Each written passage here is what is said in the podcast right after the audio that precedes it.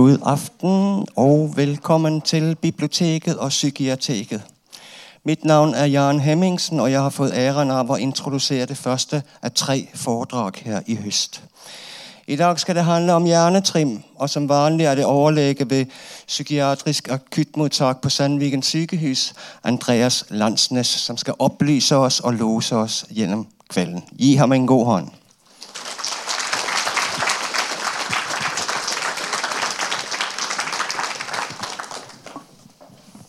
Det var kjekt å se det var så mange som har kommet her for å lære litt om hva vi kan gjøre for å trimme hjernen. Man er jo opptatt av all mulig slags trim, men hjernetrim er ikke så vanlig at man har fokus på. Så det var godt å se at det var så mange som kunne komme, selv om det jo er høstferie nå. Er det ikke det? Jo. Ja, det det dreier seg om her, Hva kan vi gjøre for å trene hjernen vår? Jeg mener jo at det, det, er det viktigste organet vi har. og Derfor er det veldig viktig at vi kan ta vare på det. At vi har noen sånne tanker om hva som skal til, og hvordan vi kan trene hjernen vår. Nå har jeg tenkt å snakke i en halv time til tre kvarter, og så blir det åpent for spørsmål etter det. Så Det som står i teksten på biblioteket, det er følgende. På internett kan du kjøpe apper som skal gjøre deg smartere, men virker de? Det vil dere få svar på. Det fins ja, Dere får litt svar på det, ikke det hele og fulle svar, men delvis svar. Ja. Det fins også mange kostholdsråd som skal gjøre hodet ditt bedre. Meditasjon, yoga, lære et nytt språk og mye anbefales òg. Men hva, er det som faktisk, hva har vi faktisk kunnskap om hva som gjør at vi kan bli smartere? Når jeg mener smartere, så vil jeg si at vi får bedre hukommelse, først og fremst. Så Denne handler om det vi faktisk vet om det som virker og ikke virker. Jeg pleier alltid å si at jeg prøver å gjøre disse forelesningene så kjedelige som mulig, fordi jeg prøver å holde meg kun til det vi faktisk vet noen ting om. Eller mest mulig kunnskapsbasert, i hvert fall. Så På internett så kan man kjøpe apper som kan gjøre deg mye smartere. Eh, det er jo en milliard business, dette med apper på internett som gjør deg mye smartere. Men når min kone skårte mye bedre på en sånn intelligensapp enn jeg gjorde, så visste jeg det var noe galt med disse her. Jeg visste Det går ikke an å stole på disse her. Dette var helt feil. Her har vi en av disse appene som heter Lumosity, som sier at de har Er det noen som har prøvd den her? Ja, Dere behøver ikke tilstå. Men denne her sier at den er vitenskapelig designa, sånn at du får mye bedre hukommelse, oppmerksomhet, fleksibel tenkning, problemløsning og mye raskere. Og Det er jo spørsmålet virker dette her, da. Er, dette, er det holdepunkter for at det er riktig? Det kommer en nokså kraftig avgjørelse her, med at de ble dømt for svindel. Og de betalte alle de millionene de ble dømt til å betale. Eh, men det er jo fordi de eh, hadde, de sa altfor mye. De, de, de, sa at de virket på alt. Det som er felles for nesten alle appene på internett, er at de, eh, de virker kun på én ting. Det er ikke sånn at du blir sånn generelt mye bedre til å tenke. Men hvis du bruker en app til å lære deg matematikk, så lærer du deg matematikk. Jeg har en app jeg bruker. den heter, Jeg skal jo ikke drive reklame for ting heller, men jeg gjør jo det nå. Den heter Duolingo. Det er sånn en app hvor du lærer et nytt språk. Den sier ikke at du blir smartere eller bedre eller mer fleksibel eller får bedre hukommelse, eller noen ting, men den sier at hvis du følger programmet der, så lærer du litt mer om et språk. Så det er for riktig. Nå hører jeg kanskje veldig pessimistisk ut og tror ikke noe på sånne apper. og sånt, Men eh, jeg tror at framtiden ligger her. At det er mange forskjellige apper på internettet som kan gjøre oss bedre på noen ting. Men jeg tror ikke at de er så gode til å gjøre oss generelt sett mye smartere. Men jeg skal ha de to neste forelesningene her dreier seg om hjernen og internett i stor grad. Sånn at Da skal vi gå litt nærmere inn på dette.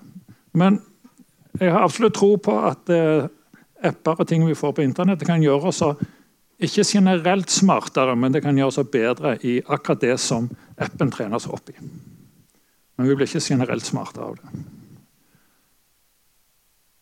Og så er det noe med at vi har også veldig lyst til å finne en enkel måte å bli smartere på. Og fins det en tablett vi kan ta som gjør at vi blir mye smartere? Fins det en tablett vi kan ta som gjør at du får bedre konsentrasjonsevne, og du får bedre hukommelse, og du får bedre egen lagringskapasitet?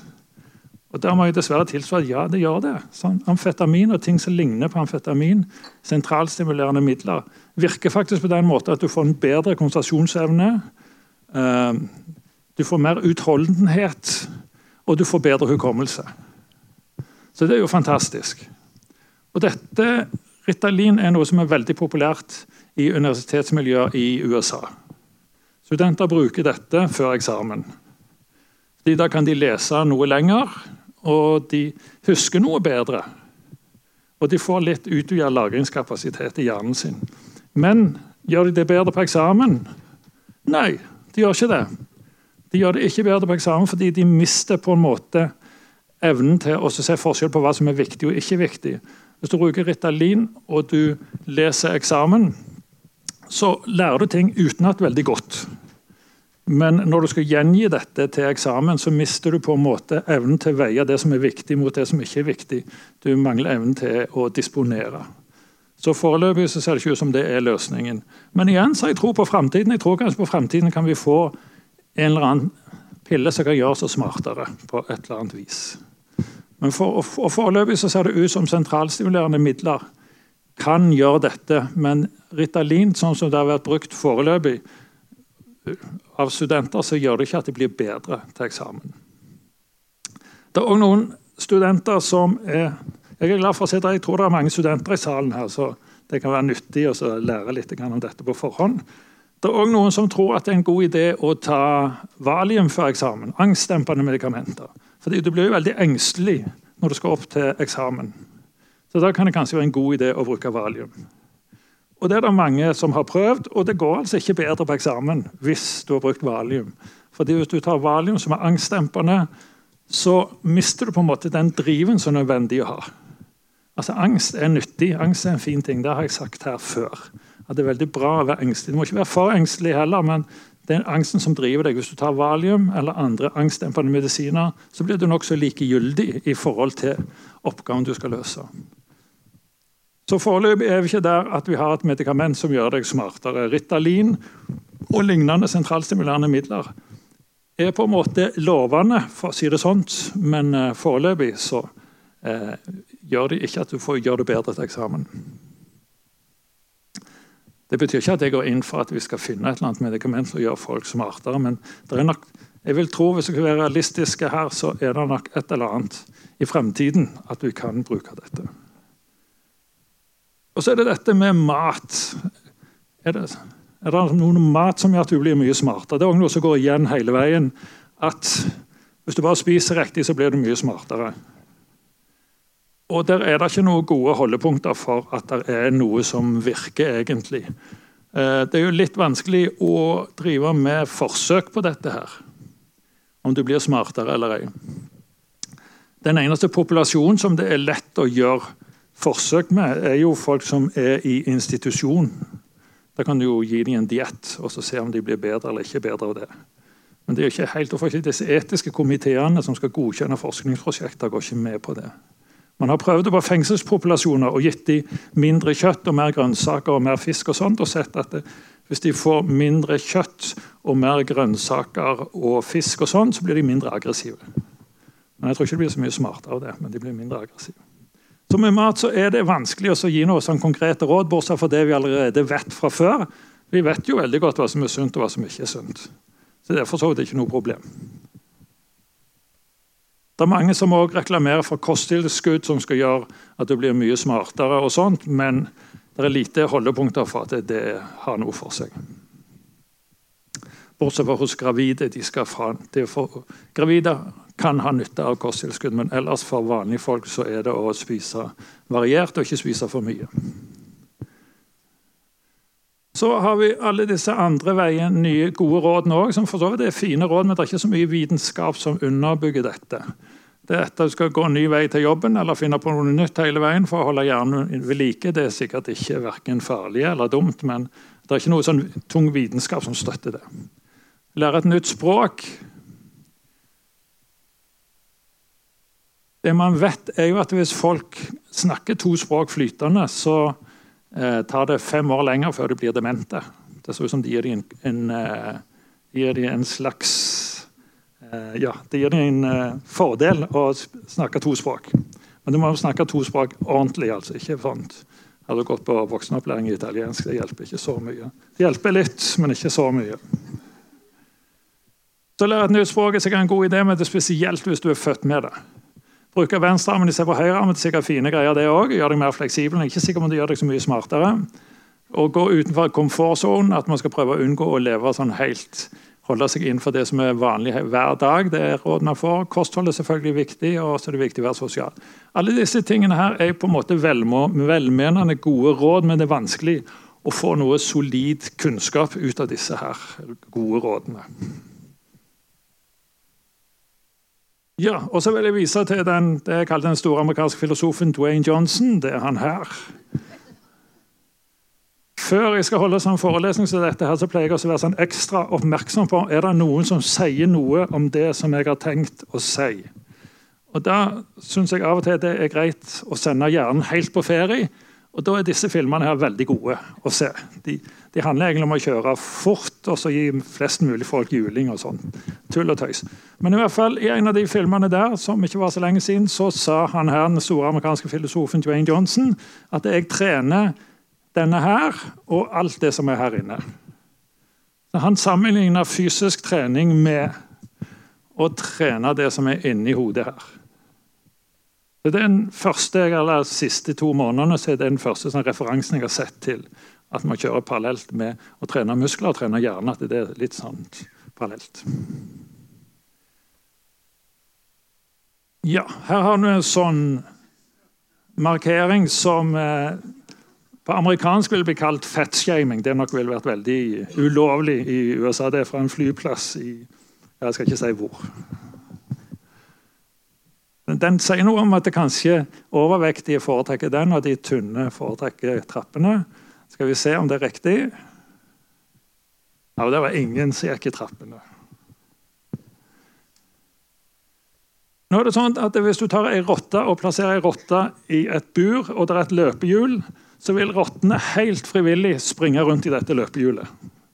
I motsetning til mennesker. Mennesker beveger seg ikke frivillig. Vi uh, unngår det så godt vi kan. Men rotter beveger seg sånn som det er frivillig. Du, og det som skjer når de springer rundt her, er at uh, hjernen, eller kroppen produserer noe som heter BDNF, som vi kommer tilbake igjen til.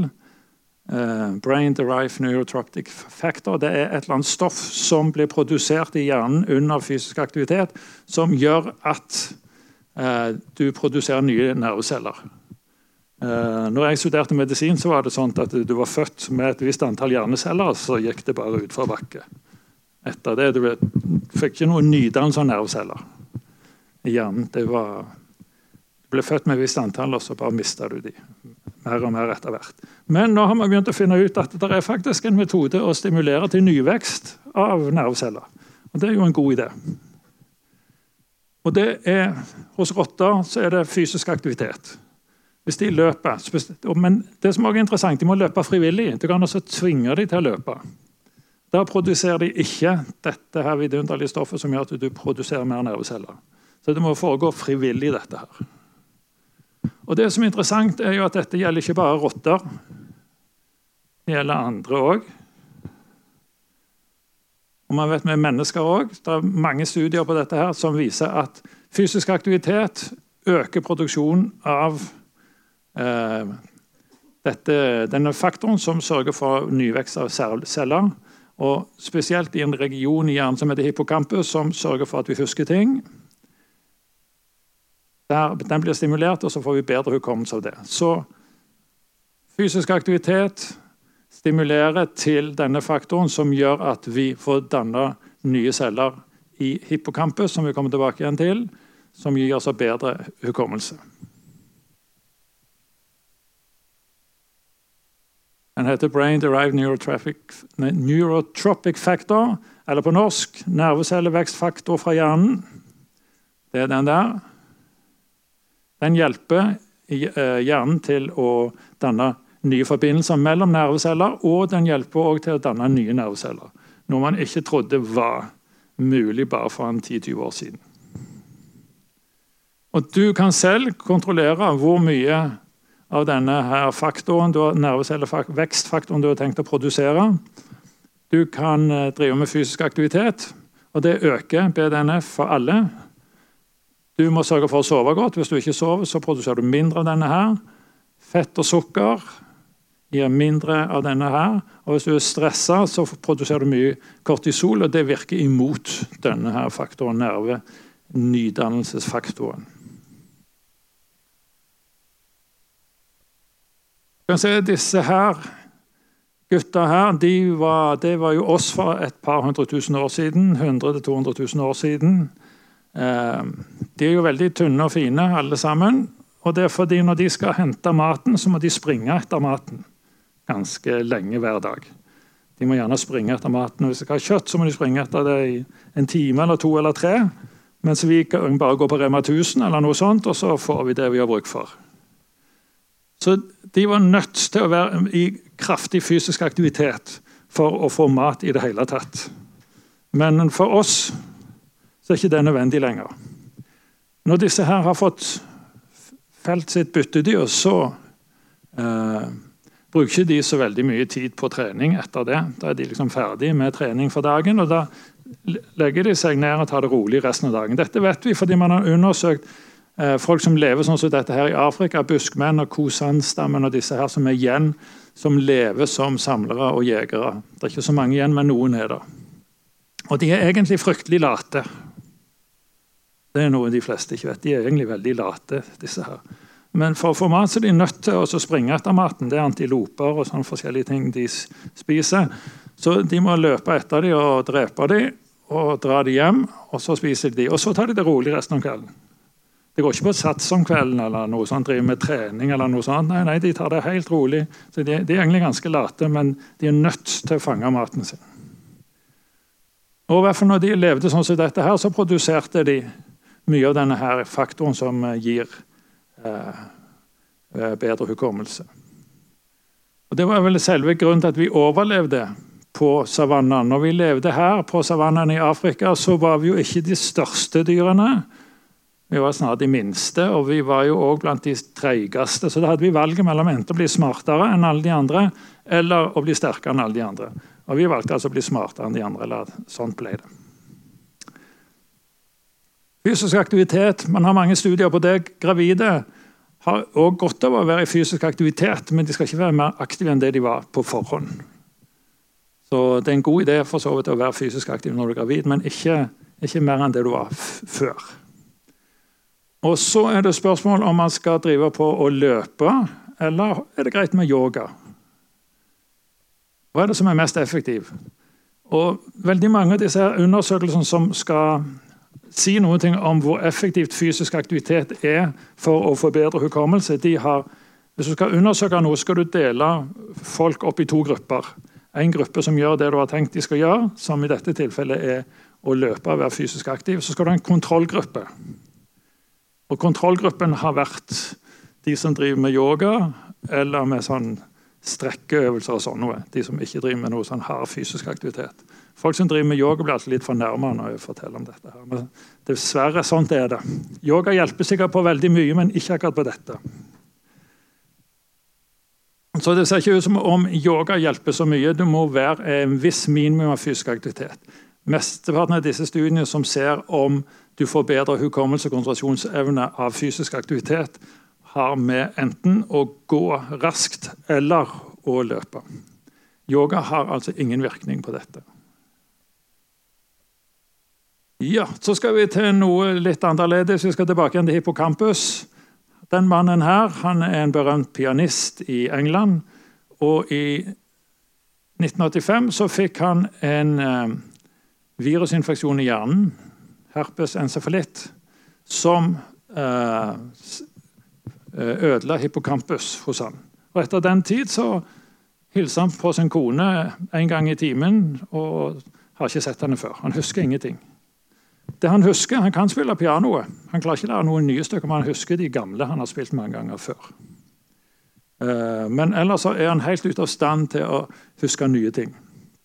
Og Det skyldes denne her lille strukturen inni hjernen her, som er med på å gi oss bedre hukommelse. Korttidshukommelsen den blir lagra overalt i hjernen. Hvis det er noe synsinntrykk, så lagrer vi det her. Hørselsinntrykk her. Andre ting, tanker, avanserte ting er mer her. Da lagrer vi det midlertidig. Men hvis det skal over i den mer permanente eller langvarige hukommelsen, så må det gå via hippocampus her, som på en måte er bibliotekaren som husker hvor disse forskjellige hukommelsestingene blir lagra. Så for at det skal gå fra korttidshukommelse til langtidshukommelse, så er det denne hippocampus som, skal, som må fungere. Og Pianisten han mista sin hippocampus, og derfor husker han ingenting. Og her, dette er den faktoren som stimulerer til nyvekst av celler, BDNF, den virker først og fremst på hippocampus. Den virker mange andre steder òg, men det er først og fremst her den virker. Det er den vi kommer tilbake igjen til her. Her har vi Verdens helseorganisasjon som har sagt noen ting om hva er det folk dør av i verden. Dette er hele verden, og det er for noen år siden. Og De regner med at det folk dør av, hoveddødsårsak er høyt blodtrykk, eh, røyking. Da tenker du både på lungekreft og hjerte-kar. Høyt blodsukker. Det er veldig mange i verden som ikke har tilgang på insulin og den type behandling. og Det fører til død. Fysisk inaktivitet kommer her på fjerdeplass. Så fysisk inaktivitet er veldig kobla opp til eh, dødsårsaker. Og nå har vi jo nettopp sett at fysisk aktivitet er kanskje noe av det viktigste du kan gjøre for å stimulere hjernen til å forbedre hukommelse. Dette her handler om at hodet vårt blir litt Det visner litt med årene. og Det heter demens. Og hva kan vi gjøre for å unngå demens? Er det noe som hjelper mot demens? Det er, en, det er kommet nye medisiner som skal hjelpe mot demens. Eh, de har egentlig kun vist at hvis du begynner å gi dem veldig tidlig, så kan du utsette utviklingen av demens til en viss grad.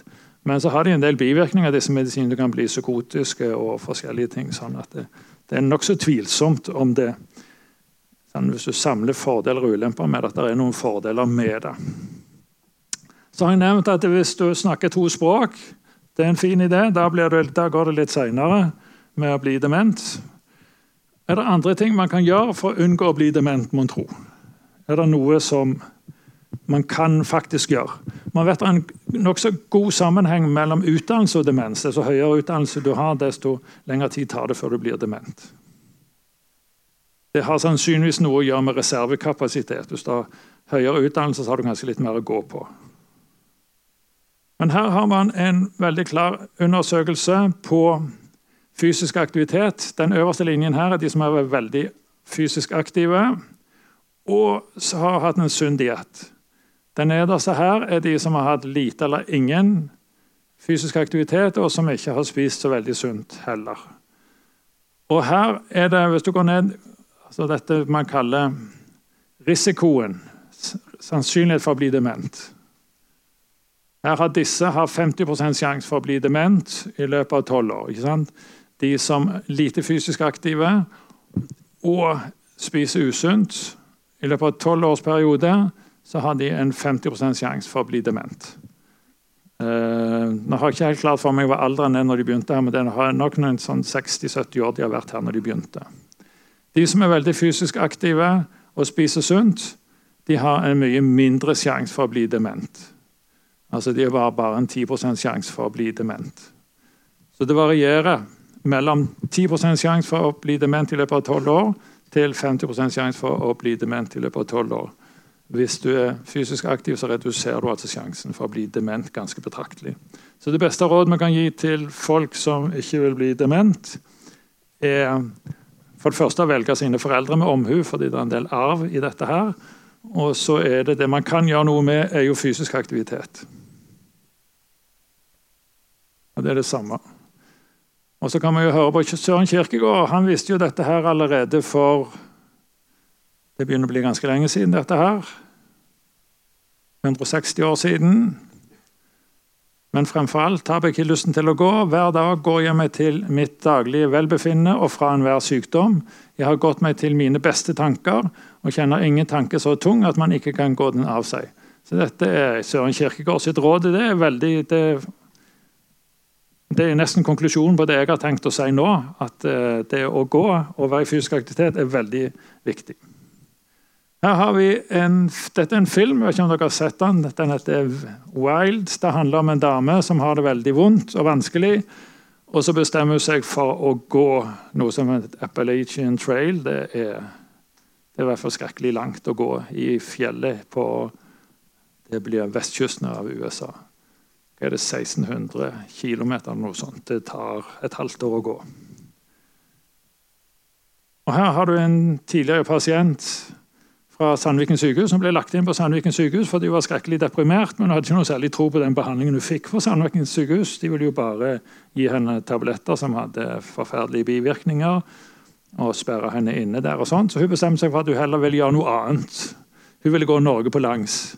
Så hun begynte oppe i Finnmark og gikk hele Norge på langs. Og Det tok henne et halvt år, og hun ble helt fin etter hun hadde gjort det.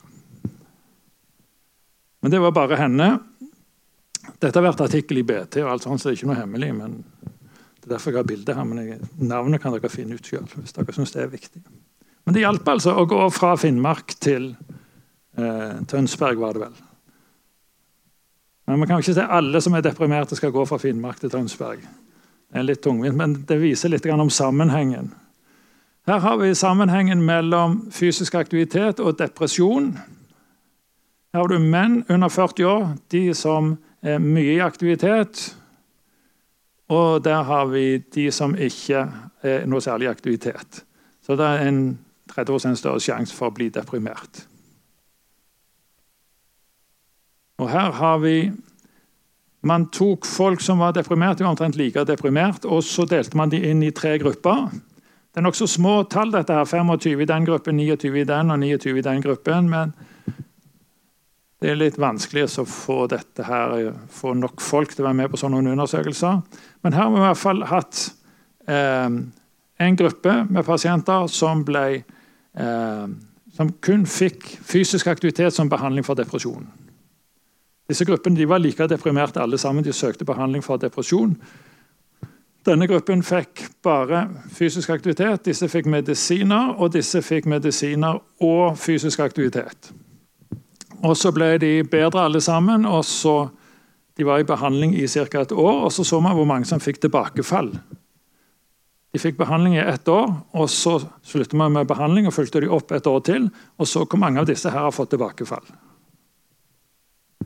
Og Da var det altså de som kun fikk fysisk aktivitet. Av de som hadde 90, var 90% fortsatt ikke deprimert. Så de gikk det best med.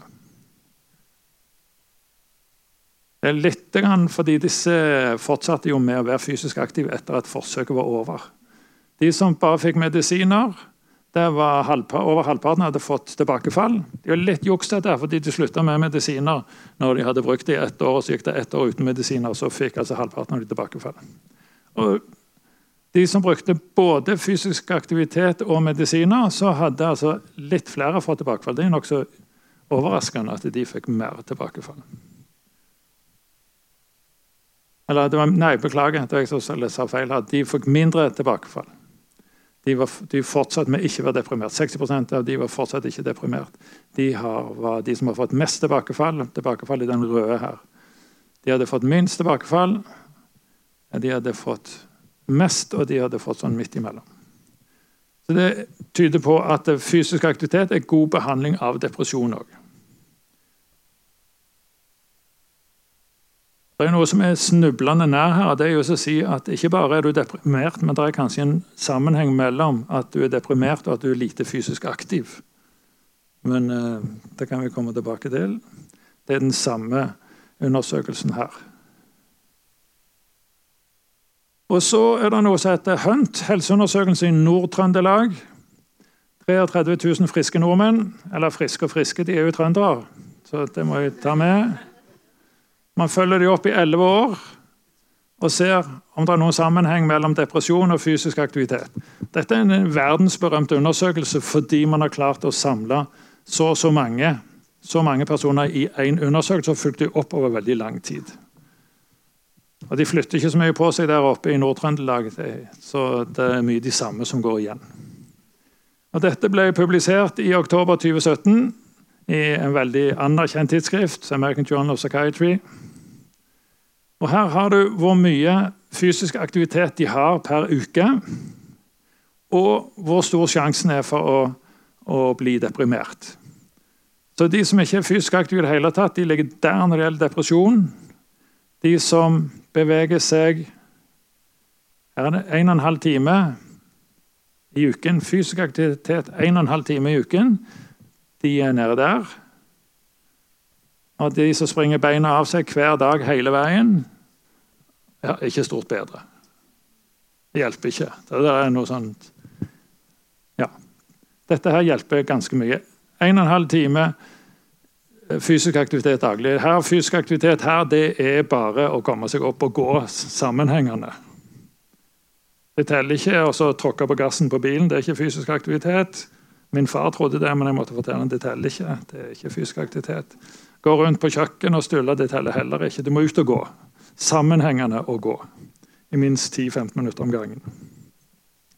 Det mest overraskende her er jo hvor lite som skal til. Halvannen time hver dag å gå. Nei, halvannen time i uken. Fint at noen passer på meg her. Ja. Halvannen time i uken, så har du fullt utbytte av fysisk aktivitet. Bør ikke gjøre så mye. Det er, no det er, veldig lite som skal til egentlig for du får utbytte av fysisk aktivitet.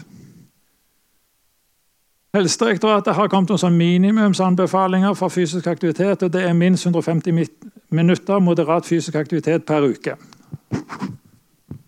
Skal vi se hvor mye var det her? Her var det 1 12 time. Det er 60, det er 90 minutter. det. Men de sier 150 minutter moderat fysisk aktivitet per uke. Moderat, dvs. Si å gå litt raskt. Hvis du løper, så halverer de de nede på 75 minutter. Det vil si 10 000 skritt, skritt er 5 km rask gange, 60 minutter. Altså, Det du skal gjøre, er å gå raskt 150 minutter per uke, altså 20 minutter per dag, 3000 skritt per dag eller 1500 meter per dag. er minimumsanbefalingene. Går det an å gå 1500 meter per dag? Er det mulig? Er det veldig mye? Er det noe de fleste nordmenn gjør? Eller er det noe veldig få gjør? For noen år siden var det, eller, ja, det var en del år siden så var det sånn kartlegging av fysisk aktivitet i Norge. Altså en kan 1-studien het den. og Da spurte de nordmenn om de var fysisk aktive. og Da svarte 80% at de var fysisk aktive. Og så var de så uforskamma at de hengte på de aktivitetsmåler. Og så så de om de var fysisk aktive. Og det var det egentlig bare 20 som var fysisk aktive. Så nordmenn er jo verdens sprekeste folk, tror vi. Men uh, Ingebrigtsbrødrene springer kanskje fort, men de fleste nordmenn springer ikke fort. Så det de sier er 15, Vi bør bevege oss 1500 meter per dag. Og det er jo interessant. Gjør vi det?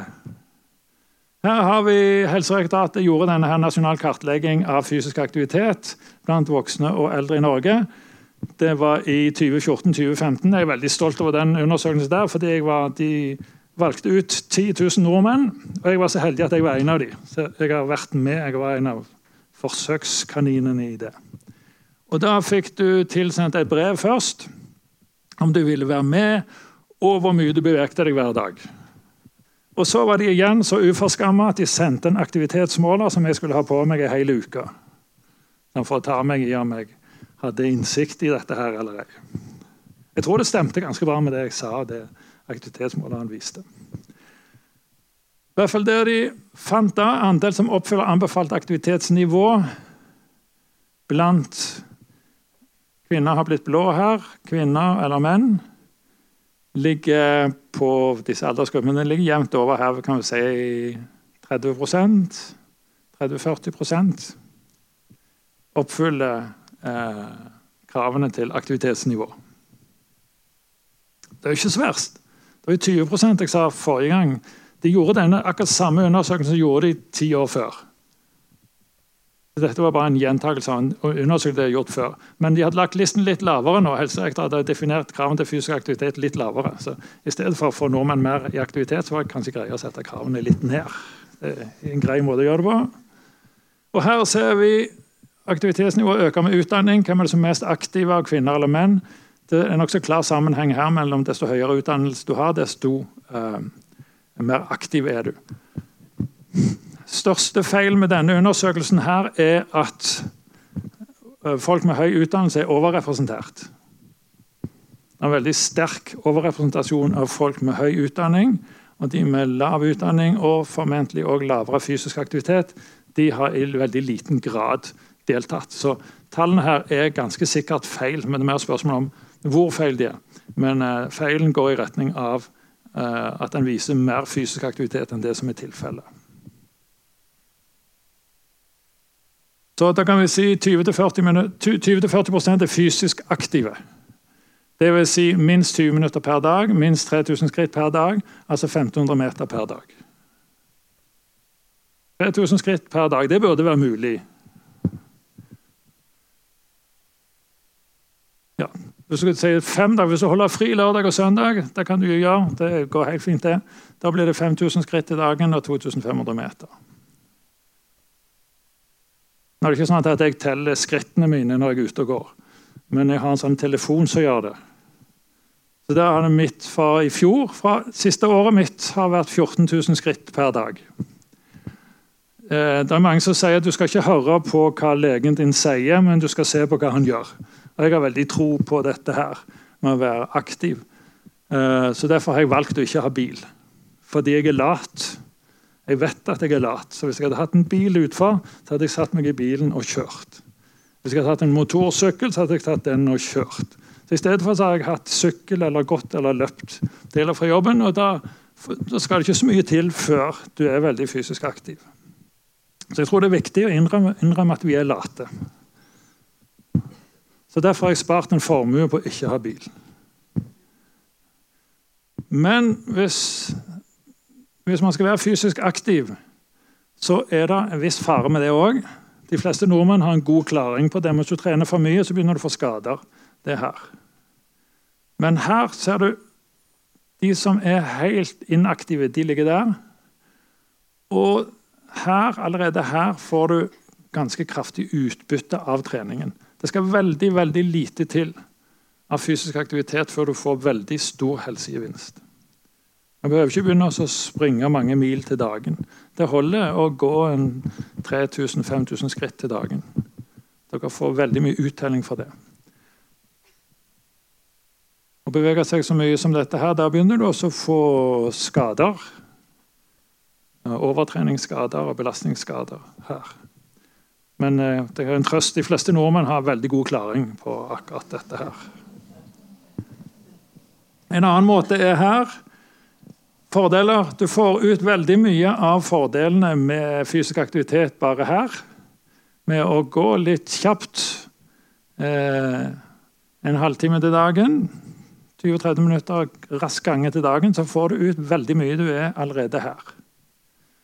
Og så er det jo vi må, Denne her røde streken overdriver nok de fleste nordmenn. Det er ikke så veldig farlig å trene, men man må ikke gjøre for mye for raskt. Man må gjøre det langsomt. Men hvis det er en viss her Hvis du trener for mye, så begynner du å få skader.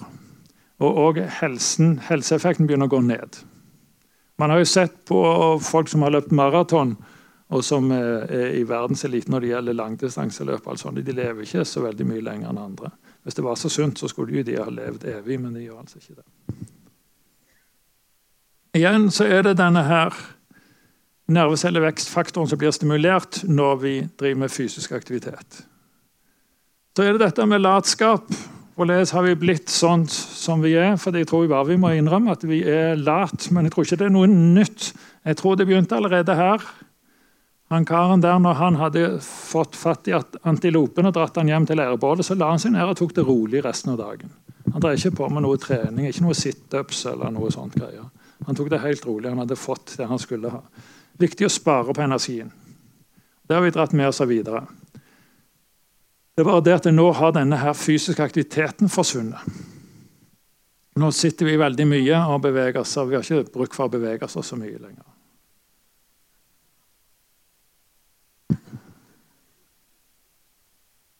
Det er en grei måte å gå tur med hunden. Og her har vi jeg tenker Vi kan dra fram bompengeforliket her. Det kosta 20 milliarder kroner. Det har ikke noe med han som kjørte bilen der før, men det har noe med å satse på fysisk inaktivitet. Her har vi jo statsbudsjettet vårt som er på 1377 milliarder kroner. Og vi har avsatt 20 milliarder av de til eh, å fremme fysisk inaktivitet. Når det gjelder forventa levealder i Norge, så er det noe som er merkelig her. fordi hvis vi går tilbake igjen her til 1800-tallet, så var det mye fattigdom. og sånt, og Da ble folk ikke så gamle. Og så har det gått veldig oppover her. Spanskesyken, som jo drepte veldig mye folk, unge, gjorde at levealderen gikk ned. Andre verdenskrig så gikk han òg ned, spesielt for menn. Og så er det noe rart her. På 60-tallet så flata det helt ut. Og så har det ikke gått så raskt opp som man burde forvente, kanskje. Har vært, antibiotika har jo gjort at Eh, det er færre som døde av tuberkulose og lungebetennelse. og sånn, så Da burde jo levealderen øke. og så har det vært veldig mye medisinske framskritt. Vi skal tro det som står i avisene, så er det ingen som dør av kreft eller noen ting lenger. Men det viser seg ikke så veldig mye på gjennomsnittlig levealder. For Det som drar opp, er jo disse medisinske framskrittene. Det som drar ned, er overvekt, inaktivitet, alkohol, tobakk og farlig fett. alt dette her. Så Vi har ikke hatt den store økningen i gjennomsnittlig levealder som vi kanskje burde forvente. Og Der er kanskje en av de store eh, synderne er dette med inaktivitet og overvekt. Og Hvis vi nå tar barn og unge her, seksåring, Seksårige gutter her Seksårige gutter har blitt rosa. Det tror jeg de ville ha seg frabedt, men eh, det har de gjort her. Så er nesten 100% av de seks år gamle gutter når de begynner på skolen, så er de i fysisk aktivitet minst en time til dagen. Sånn ser det ut når de begynner på skolen. Men hva er det skolen gjør med dem? På skolen så lærer du deg til å sitte i ro. Så Da går du fra 100% til rundt 50% fysisk aktivitet. Så Det skolen gjør med ungdom, er at de får dem til å bli fysisk inaktive. Og Det er kanskje et samfunnsproblem. Det har kanskje blitt et samfunnsproblem. Så Derfor så vedtok Helsedirektoratet for det er nokså nær 2016 2016-2017 så anbefalte Helsedirektoratet at barn og unge bør være i fysisk aktivitet minst 60 minutter hver dag, og at det skal skje på skolen. Det er skolen sitt ansvar. Det er skolen som sørger for at de sitter i ro hele dagen, så de må jo være, få ansvar for at de skal være i fysisk aktivitet òg. Det ble vedtatt av Stortinget i 2017, og regjeringen har fortsatt ikke bevilget penger til det. Så Skolene har ikke innført dette her under henvisning til at de har ikke fått midler til å drive med dette. Så det er veldig ujevnt hvorledes dette blir gjort i de forskjellige skolene. Så det er jo trist.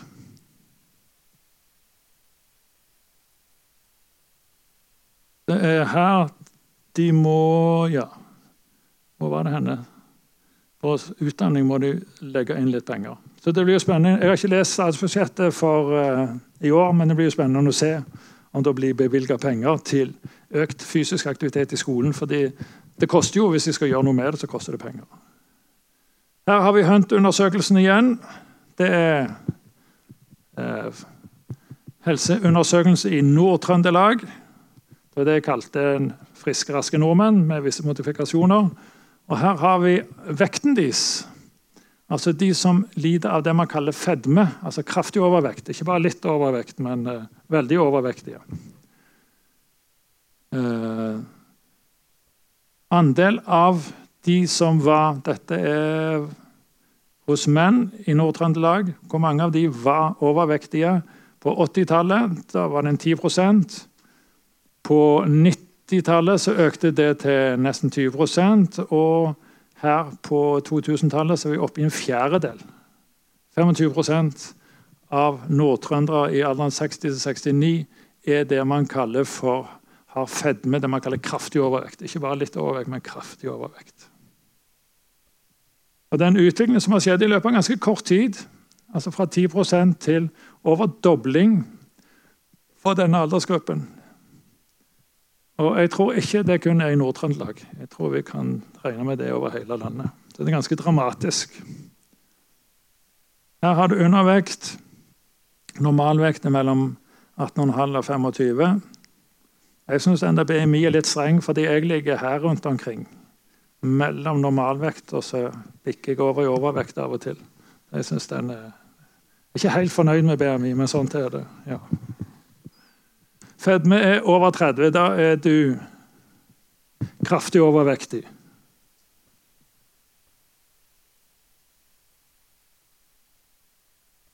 Og Da er det spørsmål hva skal vi gjøre for å bli mer aktive.